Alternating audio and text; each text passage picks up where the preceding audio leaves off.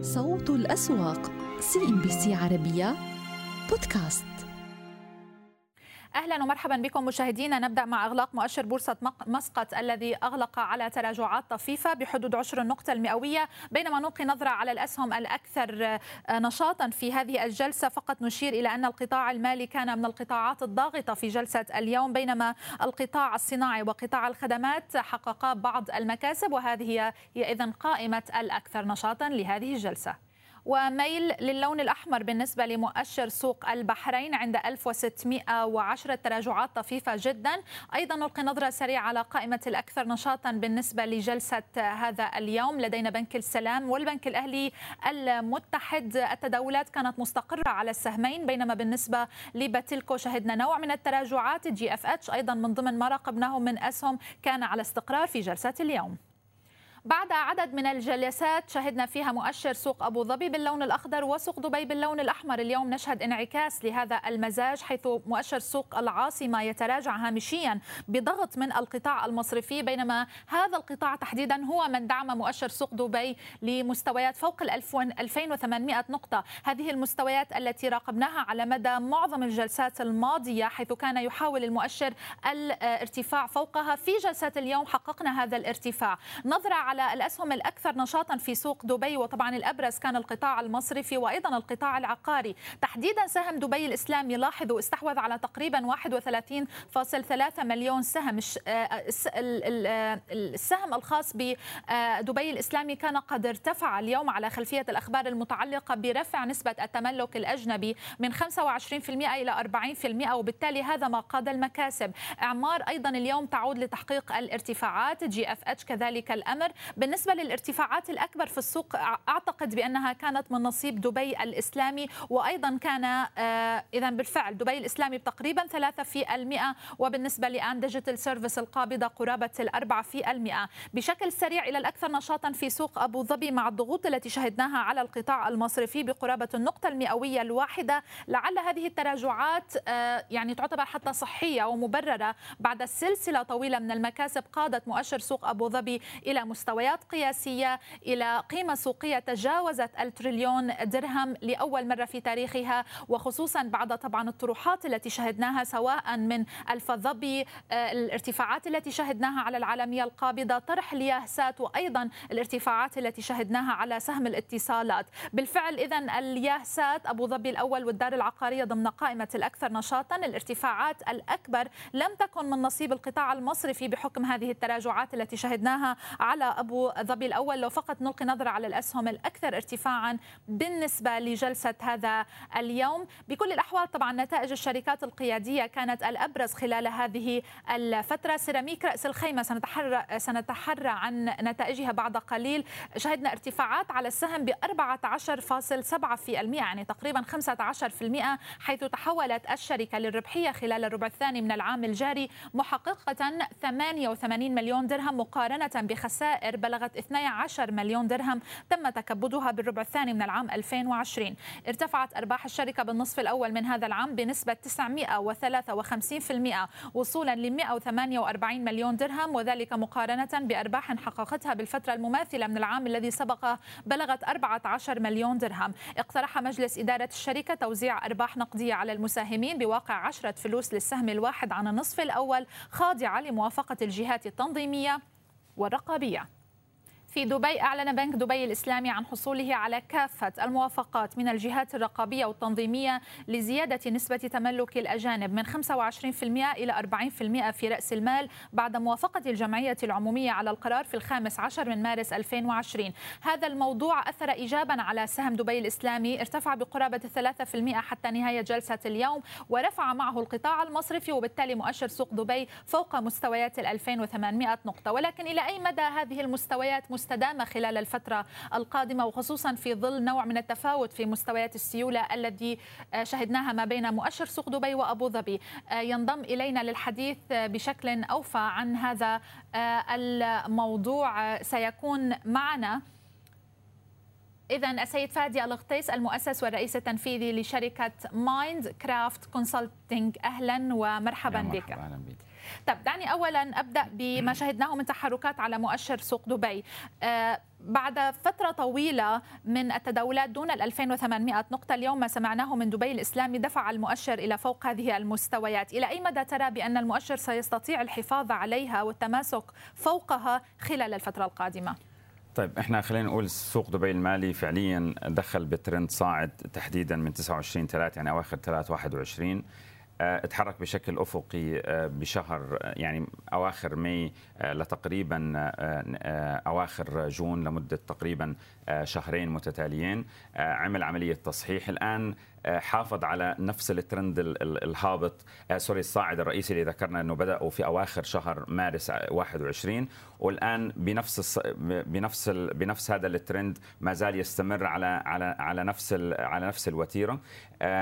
حاول يختبر في في زي ما ذكرت في نهاية تقريبا إبريل أو بدايات May إلى منتصف June. حاول يختبر نقاط رئيسية عند ال 2900 يعني بين ال 2850 إلى 2900 أنا أعتقد ممكن بشكل كبير إنه يرجع يختبر هاي النقاط. يعني أعتقد 2800 ما ما لها أي يعني يعني رقم غير إنه رقم مدور فعند المستثمر عند ال عند ال عند المتداولين ممكن يكون عامل مهم. لكن أنا أعتقد الأهداف الرئيسية بالنسبة للسوق وهو اللي مستهدفه في الفترة الحالية بين 2850 إلى 2900 اللي حاول فعليا السوق إنه يتجاوزها من أواخر شهر May أو عفوا من بدايات شهر May إلى تقريبا منتصف شهر June. فأعتقد هذا الهدف المستهدف. وكانت في هاي الفترة أعلى عملية تداول. شهدها السوق تقريبا من شهر فبراير يعني حجم تداول في شهر فبراير. بعدين دخل عملية التصحيح اللي أعتقد كان عملية تجميع في هاي المستويات اللي هي عند الخط الأدنى من هذا الترند الصاعد. أعتقد العودة له أقرب عند ال 2850 2900 طيب دعنا نتحدث عن التقييمات بالنسبة لسوق أبو ظبي. ال trailing PE أو مكررات الربحية التاريخية عم تتداول عند تقريبا 19 مرة. هو أغلى من ما نشهده بالنسبة لسوق دبي المالي. ولكن هناك بعض المخاوف التي تتعلق بأن الارتفاعات التي شهدناها بالنسبة لسوق أبو ظبي المالي كانت أسرع من الارتفاعات التي نشهدها بالأرباح على مدى النصف الأول من هذا العام، إلى أي مدى توافق على هذا الرأي؟ إلى أي مدى ترى بأن النتائج خلال النصف الثاني قد تعود وتهبط بالتقييمات لمتوسطاتها السنوية السابقة؟ يعني خلينا نقول أول شيء نقطة رئيسية إنه كل المكررات الربحية أو هاي الريشوز ال historical ما بيهمه كثير المستثمر فيها. يعني معظم ال calculation على ال historical data والأصل هو تكون على ال forecast data واضح إنه المستثمرين بلا شك يعني واضح إنه تماما تركيزهم على سوق دبي المالي بالشركات اللي اللي انطرحت جديد. بسوق دبي تقصد؟ لا لا بسوق أبو ظبي المالي على أساس هيك يمكن ال forecasted لهي لهذا السوق عند المستثمرين وهذا اللي خلى السيولة في الفترة الأخيرة تتوجه لسوق دبي المالي والمؤشر في سوق دبي أبو ظبي عفوا سوق أبو ظبي المالي والمؤشر في سوق أبو ظبي المالي يستمر بعمليات صعود تقريبا ابتدأها من بداية من من من من أكتوبر 2020 إلى هاي المستويات بدون تصحيح تقريبا يذكر في هذا في هذا القطاع. وكان الاندستري والسوق والبنوك هي المؤشرين الرئيسيين اللي اللي دعموا السوق في في الفترة الماضية. اللي بيلفتني أيضا بأنه مكرر الربحيه المستقبلي أقل من التاريخي وهذا بيعني إنه المستثمر عم بيتوقع بإنه يكون في عندنا أرباح أعلى من الشركات. صحيح. ولكن بالضبط. لدينا بيئة تضخمية حول العالم وبالتالي هذه ستبدأ وتنعكس على هوامش ربحية هذه الشركات وعلى تكاليفها. إلى أي مدى ترى بأنه النتائج التي قد نشهدها في النصف الثاني من هذا العام قد تخيب آمال المستثمرين بحكم ما نشهده حول العالم؟ الموضوع لا يتعلق فقط بهذه الشركات ولكن البيئة تضخمية حول العالم. والله بلا شك لكن إحنا ما ننسى إنه ميزة أبو ظبي إنه هو يعني تقريبا 80 إلى 85% معتمد على البترول وبالتالي معظم السيولة هاي بتعود لنفس الشركات الرئيسية الحالية. التركيز ما زال على القطاع العقاري والقطاع البنكي اللي أعتقد فيه بوتنشل لسه عالي بالنسبة للمستثمرين. فأعتقد هذا اللي خلى التفاؤل عند المستثمرين باستقرار باستقرار سوق أبو سوق أبو ظبي المالي. وإنه واضح إنه تركيزهم إنه هدول القطاعين ما زال عندهم مجال بالنمو خلال خلال الفترة القادمة. طيب دعنا نتحدث عن سهم إعمار، سهم إعمار طبعا بشهر يوليو شهدنا تراجعات على السهم بقرابة الأربعة في المئة. اليوم وعلى مدى جلستين أعتقد بهذا الأسبوع شهدنا بأنه كان في مكاسب وكان من الأسهم التي قادت مؤشر سوق دبي اليوم لفوق ال 2800 نقطة، لدينا إكسبو بأكتوبر، لدينا توقعات بعودة الحركة السياحية حتى بشكل أسرع بالنصف الثاني من هذا العام، ما الذي سيعنيه ذلك بالنسبة لسهم إعمار؟ بلا شك هلا صارت تقريبا 50% من أرباح سهم إعمار. هو جاية من اللي هي other than ال real estate اللي هي جاية من ال malls وال آه، وخلينا نقول الأرباح ال others than the real estate 1 فأعتقد هذا بلا شك إنه حينعكس بشكل إيجابي. إكسبو هو عامل أساسي لدعم آه، لدعم أرباح إعمار آه، في الفترة القادمة. وزي ما أنت ذكرت فعليا إعمار حاول اختبار نقاط الأربع دراهم تقريبا 30 في شهر بمنتصف شهر July. فشل في تجاوزها دخل عملية تصحيح تقريبا كانت الأعلى في السهم في من من من تقريبا من بداية 2021 المحافظة عند هاي المستويات آه، عند نقاط الثلاث دراهم 90 أعطى عامل إيجابي بالنسبة للمساهمين أنه يرجعوا الدخول على على السهم بحجم تداولي ما زال ضعيف يعني مقارنة مع شهر May و June و July في الفترة في الفترة الماضية. لكن هو يمكن السلبية الوحيدة فيه إحنا في ال في ال في التكنيكال بنسميها عمل رأس وكتفين. فممكن يكون عمل الرأس الكتف الثاني بالنسبة ل بالنسبة لهذا الشكل.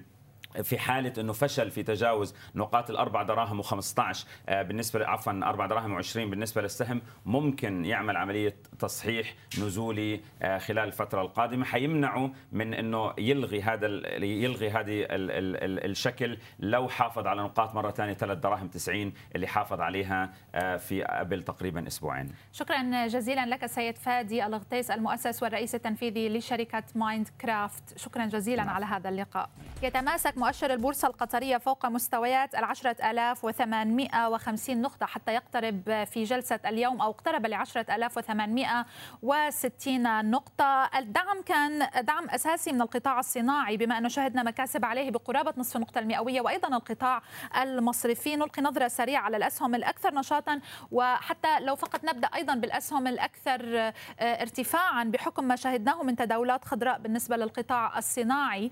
أعتقد صناعات قطر قطر كان معنا اليوم باللون الأخضر أيضا مساعد للبتروكيماويات. هي لا تظهر معنا هنا بالقائمة ولكن كانت التداولات على هذه الأسهم خضراء وبالتالي دعمت الأداء بالنسبة لمؤشر البورصة القطرية. على مدى آه، جلستين الماضيتين إلى حد كبير عدنا لنشهد نوع من السيولة المضاربية التي تدخل على السوق وبالتالي هذا ساهم في الارتفاعات والمستويات التي كنا قد وصلنا لها حتى جلسة هذا اليوم. إذا آه، لدينا للبتروكيماويات أغلق السهم على ارتفاعات ب 21 نقطة المئوية بالنسبة آه، حتى لإزدان كان عندنا مكاسب بقرابة الخمسة ونصف النقطة المئوية. صناعات قطر على نوع من الاستقرار وحتى QNB اليوم أغلق على ارتفاعات ولكنها كانت طفيفة بقرابة نصف النقطة المئوية.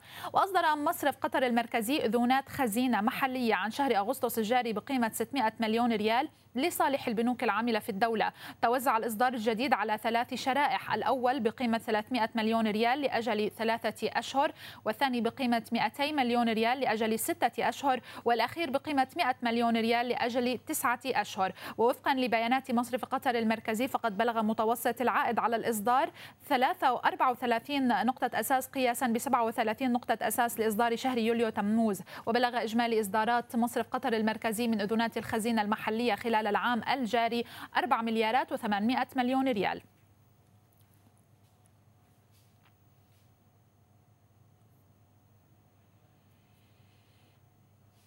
ومعمر عواد ينضم إلينا من الدوحة. أسعد الله مساءك بكل الخير معمر. لو فقط طلعنا على وضع سيولة هذه الجلسة بما أنه كان هذا من أبرز العوامل التي كنا نراقبها في البورصة القطرية على مدى الجلسات الماضية. نعم هذا صحيح. ارتفاع قياسي على مستوى الأحجام والكميات. تتحدث عن أكثر من 550 مليون ريال قطري. هذه المستويات تعيد بنا بالذاكرة إلى مستويات الربع الأول وشهر يناير من هذا العام التي فقدناها خلال الفترة الماضية. النفس المضاربة يعود إلى البورصة القطرية بشكل تدريجي من منذ مطلع تداولات هذا الأسبوع وبالتالي تكلل بهذه الجلسة بمستويات قياسية تنعش التداولات بشكل عام لكن عم نلاحظ مي بأنه عندنا شركتين استحوذوا تقريبا على 39% من قيم التداول تحديدا شركة آه، استثمار القابضة وشركة السلام. شركة السلام نحكي عن 137 مليون سهم بمفردها وتقريبا يعني 76 مليون سهم بالنسبة لشركة استثمار القابضة اللي عم ترتفع بالحد السعر الأقصى اليوم دون أسباب جوهرية.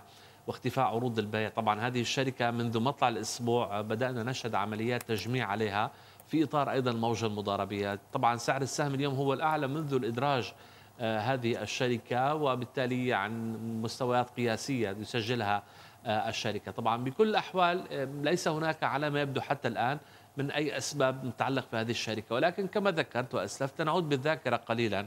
الشركة عرض عليها الاستحواذ على شركة إليغانسيا في سبعة أربعة من هذا العام. وبالتالي قالت بأنها موافقة مبدئيا وبالتالي سوف تدرس هذا العرض والبت فيه.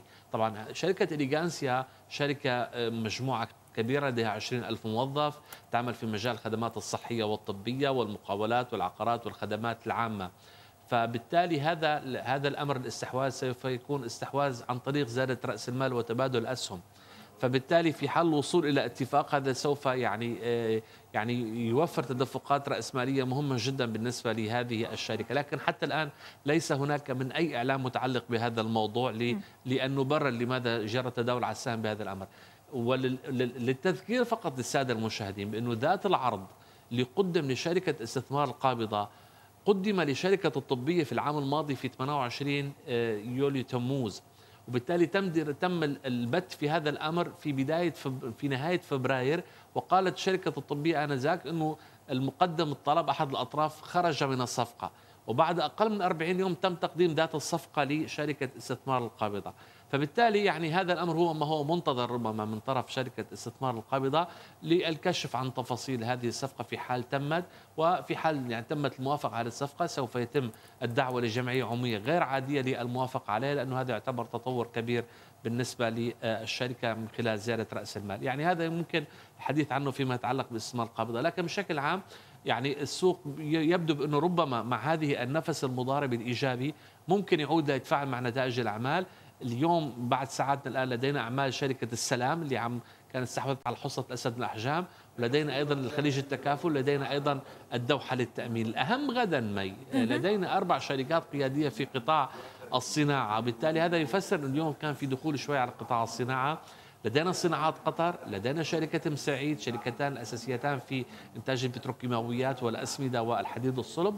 كذلك أيضا لدينا شركة قامكو شركة تعمل في مجال قطاع الألمنيوم ولدينا الخليج الدوليه للخدمات البترولية التي تقدم الخدمات اللوجستية لقطاع الهيدروكربون والبترول في الدولة، هذه الشركات مهمة جدا نتائج أعمالها في في الغد، في حال جاءت عن متوسط توقعات ممكن نشوف يعني صعود آخر للمؤشر على خلفية هذا الحراك وهذه النشاط والرشاقه التي يعود إليها السوق القطري من حيث الانتعاش في أحجام وقيم التداولات اللي ممكن تستمر معنا على ما يبدو على ما يبدو من خلال عودة المضاربين التقليديين إلى السوق المحلي وبالتالي هذه الانتعاشة التي بدأت تبدد آه، يعني آه، المشهد الرتيب من التداولات التي بقينا عليه لقرابة تقريبا يعني آه، شهرين أو أكثر ربما من من تداولات كانت ضيقة وضمن هوامش يعني محدودة جدا وادخل الرتابه إلى السوق المحلي. اليوم اختراق مهم على مستوى القراءة الفنية، اخترقنا مستوى ال 10850 هذه المستوى الفني في حال تم اختراق العودة لمستوى 10880 ممكن الذهاب بعيدا إلى ما فوق مستوى 10950 بالتالي يعني قد نكون أمام مستهدفات جديدة. مي في حال استكمال نتائج أعمال الشركات. الأسبوع المقبل سوف يكون يعني ختام نتائج أعمال الشركات باستثناء اللهم آه، شركة بلدنا اللي حددت موعد 18 شهر. وحتى الآن شركة إزدان اللي ارتفع سهمها اليوم بأكثر من 5% هي الشركة الوحيدة التي لم تحدد حتى الآن موعد الإفصاح عن بياناتها المالية. شكرا جزيلا لك معمر عواد كنت معنا من الدوحة. المؤشرات الكويتية استمرت لجلسة الرابعة على التوالي بنوع من عمليات جني الأرباح في آه، أيضا ظل آه، سيولة مرتفعة يعني سيولة اليوم تجاوزت الستين مليون دينار كويتي. بتقريبا نصف هذه السيولة كان على المؤشر الكويت الأول وبالتالي لدينا دخول كبير لهذه السيولة على تحديدا القطاع المصرفي. طبعا الأبرز كان اليوم إعلان بيتك عن النتائج الخاصة بالربع الثاني والتي أظهرت ارتفاع آه، أرباح البنك بأكثر من 300 في المئة وكان هو طبعا معظم الأسهم العاملة في هذا القطاع المدرجة في البورصة الكويتية وتحديدا القطاع المصرفي إلى حد كبير مع الارتفاعات القوية التي شهدناها خلال الفترة الماضية كانت قد سعرت حتى النتائج الإيجابية التي شهدناها من قبل آه، هذا القطاع للربع الثاني من هذا العام. الأنظار الآن إلى حد كبير يتعلق بنتائج الشركات ليس فقط الكويتية ولكن الخليجية عموميا للنصف الأول أو عفوا النصف الثاني من هذا العام وذلك طبعا بفعل ما نشهده من ارتفاع في أسعار اسعار مدخلات الإنتاج، الأزمة التي تعصف بقطاع الشحن البحري وأزمة سلاسل الإمدادات وإلى أي مدى ستؤثر على تكلفة آه، الإنتاج بالنسبة للشركات الخليجية وبالتالي على هوامش الأرباح. ارتفعت الأرباح الصافية لشركة بورصة الكويت في الربع الثاني من هذا العام بنسبة 93% على أساس سنوي وصولا إلى 5 ملايين دينار. كما ارتفعت أرباح الشركة بالنصف الأول من هذا العام بنسبة 39% على أساس سنوي إلى ما يقارب من 8 ملايين دينار. أرجعت الشركة سبب ارتفاع أرباحها في النصف الأول من هذا العام إلى زيادة الإيرادات التشغيلية بنحو 120% على أساس سنوي وصولا إلى 15 مليون دينار. صوت الأسواق. CNBC عربية بودكاست.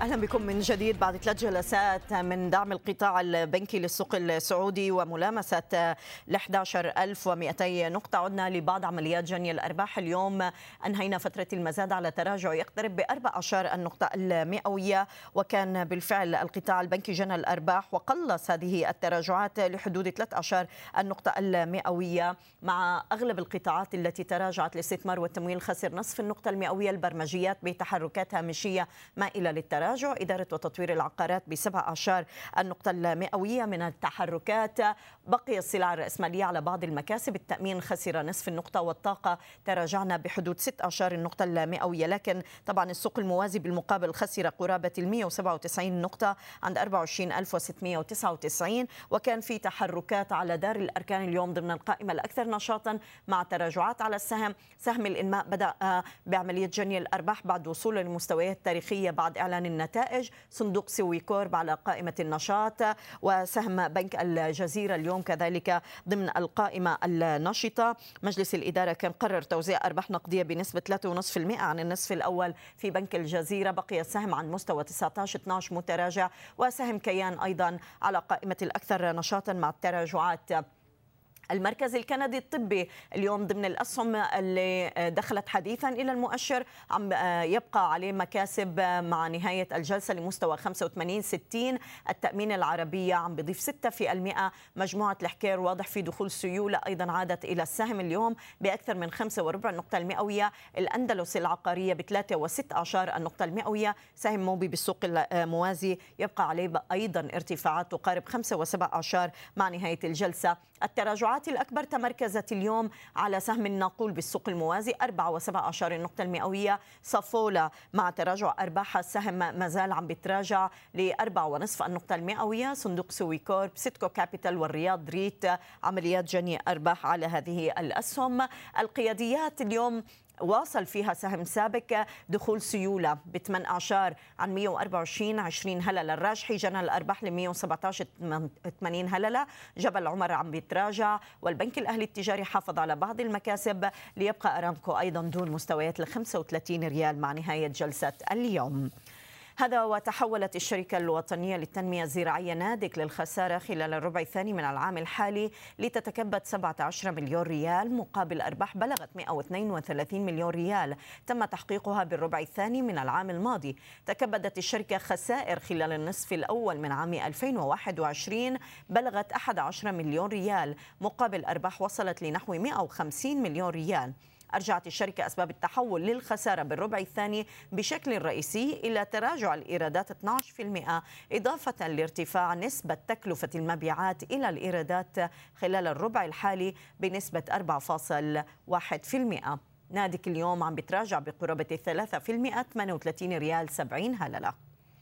قالت الشركة السعودية للكهرباء في تغريدة على تويتر أنه لن يكون هناك تسوية ختامية مع نهاية العام لمشتركي الفاتورة الثابتة الملتزمين بالسداد. وبينت بأنه ستتم جدولة فارق الاستهلاك الفعلي مع المتوسط الجديد للاثني عشر شهرا المقبلة. وأضافت الشركة بأنه لن يتم فصل الخدمة حتى لو زاد الاستهلاك الفعلي عن قيمة الاستهلاك بالفاتورة الثابتة. وأشارت إلى أنه سيتم تجديد الخدمة تلقائيا مع نهاية العام. السهم اليوم بقي عليه تراجعات اقتربت ب 18 النقطة المئوية تداول السهم عند 25 ريال 70 هللة. نتجه إلى الرياض ينضم إلينا سيد إبراهيم الهندي الخبير الاقتصادي لدى مركز أبحاث الأسواق العربية. أحييك أستاذ إبراهيم وشكرا على وجودك. جنينا الأرباح سريعا بعد مستويات يوم أمس 11200 نقطة لكن ما زلنا بموسم إعلان النتائج فهل نتوقع مزيد من جني الأرباح برأيك للجلسات القادمة أم هي استراحة محارب؟ أهلا وسهلا. أسعد الله مساك بكل خير. أسعد الله مساء السادة المشاهدين. بكل خير. بالنسبة للسوق السعودي آه، في تصورنا أنه هي استراحة محارب خلال الفترة الحالية أو خلال اليوم إن شاء الله أو بكرة بالكثير ومن ثم معاودة الارتفاع نظرا لأنه السوق جنى ربحه فعليا في تصورنا آه، قبل العيد وكان مهيأ للارتفاعات. كل النتائج المالية بإذن الله تبشر بخير. أداء السوق بالعموم و الاقتصاد الكلي لدينا. أيضا أداء جيد ويبشر بخير.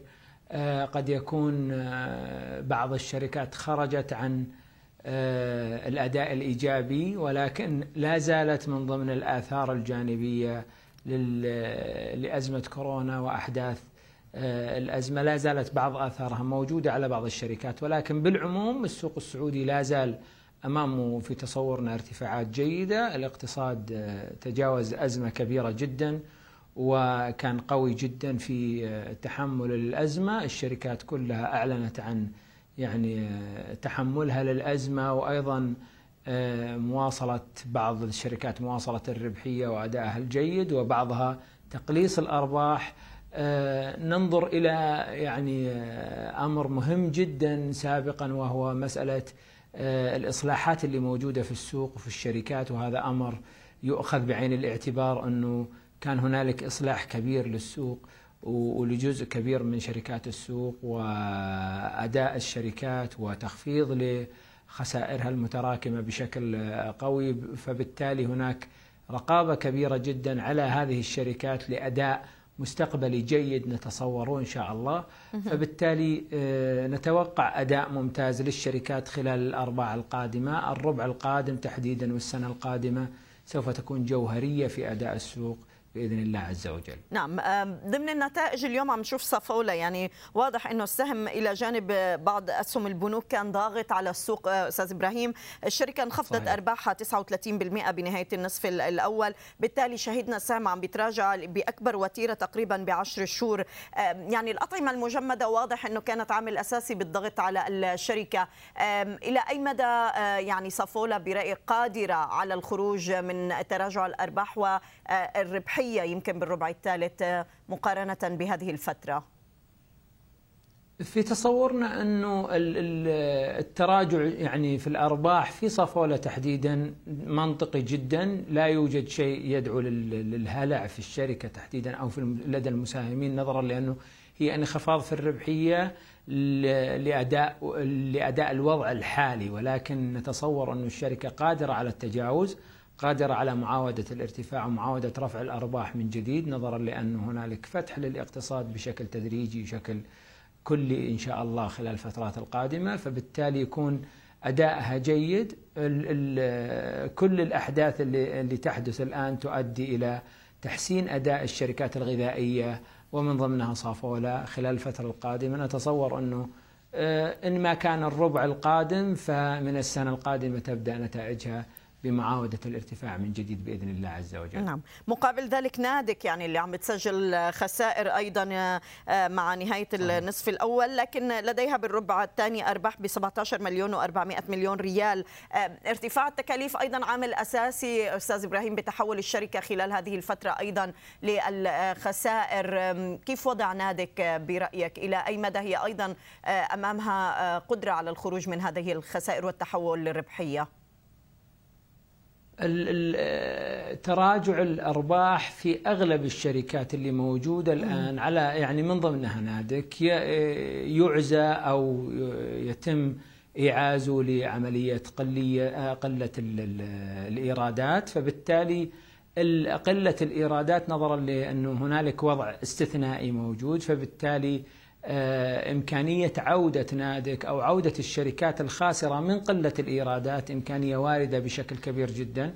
ومن ضمنها نادك. نادك لديها آه، أرض زراعية كبيرة ولديها يعني كمنحة أتوقع. ومن ثم أدائها في تصورنا من السنة القادمة أو الربع القادم آه، إن لم يكن الربع القادم السنة القادمة بإذن الله عز وجل سوف تكون من ضمن الأسهم في القطاع الزراعي اللي له حظوة ونصيب كبير جدا في عملية المساعدة القطاع مساعدة قطاع الأغذية الإنتاج الغذائي على آه، التعافي من جديد. فبالتالي نتصور أنه النزول في في الخسائر التوجه للخسائر هي مرحلة وقتية خلال الربع هذا أو الربع القادم.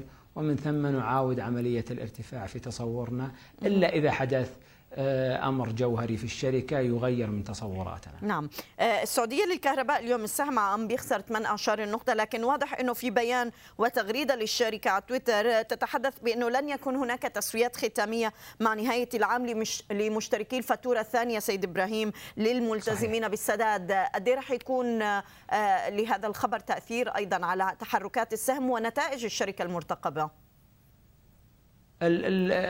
الخبر خبر ممتاز جدا للأفراد المشتركين وخبر جيد ويطمئن الأفراد والمشتركين في الفاتورة الثابتة وهذا أمر يعني جيد من الشركة أنها تعلن مثل ذلك الخبر نظرا لأن هنالك ناس ملتزمين بالسداد في الفواتير الثابتة. فاختلاف اختلاف الفواتير خلال فترة الصيف مع ارتفاع آه، ارتفاع التكاليف على بعض المواطنين آه، الملتزمين بالسداد تحديدا في الفاتورة الثابتة لن يتم مطالبتهم نهاية السنة بالتصفية ولن يتم قطع الخدمة وهذا أمر مهم جدا. عدم التزام المشتركين بالفاتورة الثابتة بالسداد قد يؤهل الشركة لمطالبتهم نهاية السنة بعملية التصفية والعودة إلى فاتورة الفاتورة الغير ثابتة آه، لعدم التزامهم بالفاتورة الثابتة. الخبر إيجابي في تصورنا للشركة نظرا لأنه يطمئن المستفيدين من الخدمة أنه لا هنالك انقطاع وليس هنالك آه، مطالبة بالتصفية النهائية نهاية السنة وتستمر العقود آه، معكم بتجديد تلقائي بعد نهاية السنة. نشكرك سيد إبراهيم الهندي الخبير الاقتصادي لدى مركز أبحاث الأسواق العربية. كنت معنا من الرياض. شكرا, شكرا. جزيلا لك. أهلا بكم من جديد. استمر التباين على المؤشرات المصرية من بداية الجلسة وحتى نهايتها. تراجعات هامشية آه، عادت على القياديات وال EGX 30 عند 10718 نقطة بأقل من 10 نقطة من التراجعات. واصلت الأسهم المضاربية اليوم. الصعود من جديد بعد تراجعات يوم أمس وعاد ليرتفع بقرابة الواحد في عند 2757 نقطة بعد ما فقدنا مستويات ال 2800 بجلسة سابقة. 100 حتى الآن عم بيتفاعل ويرتفع إيجابا بثلاث أرباع النقطة المئوية. التحركات اليوم على أغلب الأسهم متباينة وبقي البنك التجاري الدولي على تراجع ب 20 النقطة المئوية ل 57.62 المصرية للاتصالات عززت من ارتفاعاتها استعادت ال 14.50 قرش بأكثر من 3 و6 أعشار. تراجعات على القطاع العقاري إعمار مصر عم يخسر أكثر من 1 و7 أعشار. عامر جروب عند 91 قرش متراجعا بقرابة 1 في المئة والنساجون الشرقيون. يتراجع كذلك بربع النقطة المئوية. طلعت مصطفى من جلسة يوم أمس عليه بعض الضغوط دون مستويات السبع جنيهات اللي عاد ليختبرها في تداولات اليوم لكن أغلقنا دونها عند نهاية الجلسة عند 6.95 أما سودك بأكثر من 2% عند 15.80 الشرقية للدخان بعض المكاسب وهرمز ربما صعوده خفف من وطأة تراجعات السوق الرئيسية بنصف النقطة المئوية عند 11.47 تحركات السفنتي بدت كما آه، واضح على بعض الأسهم متراجعة أجواء للصناعة الغذائية العربية لإدارة الأصول بثمان أعشار الإسكندرية لتداول الحاويات في المئة من الخسائر. حافظ أبو قير للأسمدة والصناعات على المكاسب بقرابة الواحد في المئة عن 19.65 قرش مع نهاية الجلسة. من أخبار الشركات التي رقبناها اليوم شركة Speed Medical المصرية والتي كشفت عن خطة لتأسيس شركة Speed Finance للتمويل الاستهلاكي المتخصصة بتمويل الخدمات الطبية والدوائية لتكون الأولى من نوعها في مصر برأس مال 25 مليون جنيه وبنسبة مساهمة 50% ل Speed Medical. يأتي ذلك إضافة إلى الدخول كمساهم رئيسي بشركة Digital Wells للبرمجيات بنسبة 25.1% وضخ مبلغ 22 مليون و500 ألف جنيه نقدا خلال عام وهي تمثل نسبة المشاركة. وتعتزم الشركة التوسع بالمستشفيات والعيادات التخصصية وذلك ضمن خطتها المستقبلية. السهم اليوم دعمت الأخبار هذا الصعود للسهم عند 2.8 النقطة المئوية. ارتفعت الأرباح المجمعة لبنك كريدي أجريكول مصر خلال النصف الأول من العام الحالي بنسبة 9.4% على أساس سنوي ليسجل 767 مليون جنيه. وفيما يتعلق بالمؤشرات المستقلة أظهرت تحقيق صافي ربح بلغ 764 مليون جنيه بنسبة ارتفاع قدرها 9% سهم اليوم بقي على تراجعات اقتربت بواحد في المئة.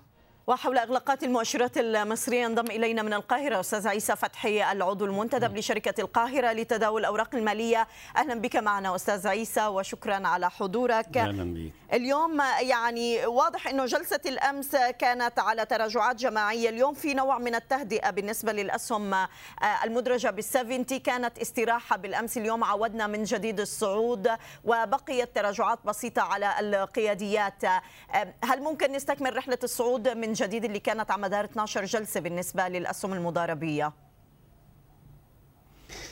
يعني هي كانت بداية جلسة اليوم كانت استكمالا للهبوط اللي كان موجود بالأمس ثم بعد ذلك حصل عملية rebound وبدأ السوق يطلع خصوصا في ال EGX 70 وحصل برضه نفس الشيء في EGX 30 لكن لم يصمد في نهاية الجلسة وشفناه زي ما ورد في التقرير إنه حصل تراجع بسيط في EGX 30 طبعا بسبب البنك التجاري الدولي EGX 70 طبعا متوقع إن هو يستكمل رحلة الصعود لأنه العلاقة بين الأسهم والمستثمرين ماهيش علاقة نتائج مالية ولا تقييمات قد ما هي علاقة مستهدفات سعرية بيسعوا إلى تحقيقها. وفي سيولة بتدفع في هذا وبتعمل ال pushing أو قوة الدفع لهذه الأسهم. وبالتالي القلق جوه EGX 70 ما بقاش موجود اللي كان موجود زمان في هذه الأسهم. وأسهم سريعة الحركة وبتحقق عوائد حتى الآن للمستثمرين مقارنة ب EGX 30 تعتبر كبيرة جدا. وبالتالي هم اللي عندهم الحركية في هذه الأسهم. بينما أسهم EGX 30 بتتميز بالسكون السعري أو التراجع أحيانا. يكفي إن إحنا نقول برضو ما زال نسبة قيمة التداول في EGX 30 لا تتجاوز 22% في جلسة اليوم بينما وصلت ل 65% في EGX 70 والأفراد النهارده مسيطرين على 88% من التداولات. ويمكن العرب كانوا مميزين النهارده في صافي الشراء المؤسسي عندهم يعني. نعم. طيب إحنا شفنا أيضا يعني مؤشر ال PMI أستاذ عيسى واصل يعني يبقى دون مستويات الخمسين لكن واضح إنه التوظيف بالقطاع الخاص عم بيرتفع لأعلى مستوياته ب 23 شهر. هل هذا يعطينا مؤشر بإنه بالفعل الشركات ومنها الشركات المدرجة بدأت اليوم تتعافى من أزمة كورونا وبالتالي سرعت من وتيرة التوظيف لديها؟ على مستوى العالم كله في تحسن في النمو الاقتصادي خاصة إنه الفترات اللي تم فتح فيها الاقتصاد حصل فيها نوع من الاندفاع لممارسة النشاط الاقتصادي والاستهلاك وده اللي أدى إلى النمو في أمريكا مرتفع النمو في أوروبا مرتفع ونفس الشيء في مصر. فهي القصة كلها راجعة إنه إنه الاقتصاد المفتوح أكيد بيعمل نمو غير الاقتصاد المغلق وفترة الانفتاح كانت في مصر تعتبر أطول من دول كتيرة وما زالت مستمرة وأعتقد إنها مش هيبقى في إغلاق في أي وضع ولا هيبقى في بس تركيز على الإجراءات الاحترازية ليس أكثر. وبالتالي ارتفاع النسبة راجع لارتفاع معدلات النمو ربما ما يكونش في معدلات توظيف كبيرة قد ما يكون في معدلات بيع أكتر إيرادات أكتر أرباح أكتر يعني. نعم. طيب بالمقابل عم نشوف تحركات Speed Medical اليوم. واضح إنه الشركة بدأت تتجه لتمويل التمويل الاستهلاكي وتأسيس شركة في هذا المجال والدخول أيضا في شركات متعلقة بال digital. أستاذ عيسى هل سنرى نفس النهج؟ يعني على أغلب شركات الرعاية الصحية والأدوية بالفترة المقبلة بالتوجه بإنشاء شركات مستقلة لعملية تمويل مشاريعها. ده يتوقف على حجم السيولة المتاحة داخل كل شركة. لو لو في رأس مال وفي احتياطيات قوية في الشركات مش هيبقى في حاجة إلى هذا الأمر. إذا كان يقدر ياخد تمويل مصرفي بتكلفة معقولة ممكن ما يحتاجش يعمل هذه الشركات. نظرا لأنه برضه في إجراءات بتاخدها هذه الشركات فبيبقى الأسهل لو التمويل متاح لديه أو متاح مصرفيا بصورة بيبقى أسهل من إنه يعمل شركات تابعة وكده. يمكن Speed Medical خدت هذا النهج آه لأنه لقيته مناسب آه ليها وهي شركة آه حقيقي متنوعة قادرة على إنها تحقق نتائج أعمال جيدة الفترة اللي جاية. وأعتقد إن النهارده الخبر ده مع أخبار سابقة ممكن يدفع السهم إلى أسعار أفضل خاصة إنه تقييمه على ما قبل هذه الأخبار كان أكثر من السعر اللي موجود حاليا كان وصل 82 قرش تقريبا. النهارده بنتكلم في 22 قرش في معظم أوقات الجلسة. نعم. لو أضفنا عليها الأخبار دي نقول إن السهم المفروض إنه يتجاوز هذه القيم بمراحل يعني. نعم ونشكرك أستاذ عيسى فتحي العضو المنتدب المنتدب لشركة القاهرة لتداول الأوراق المالية. كنت معنا من القاهرة. شكرا لك. صوت الأسواق سي ان بي سي عربية بودكاست.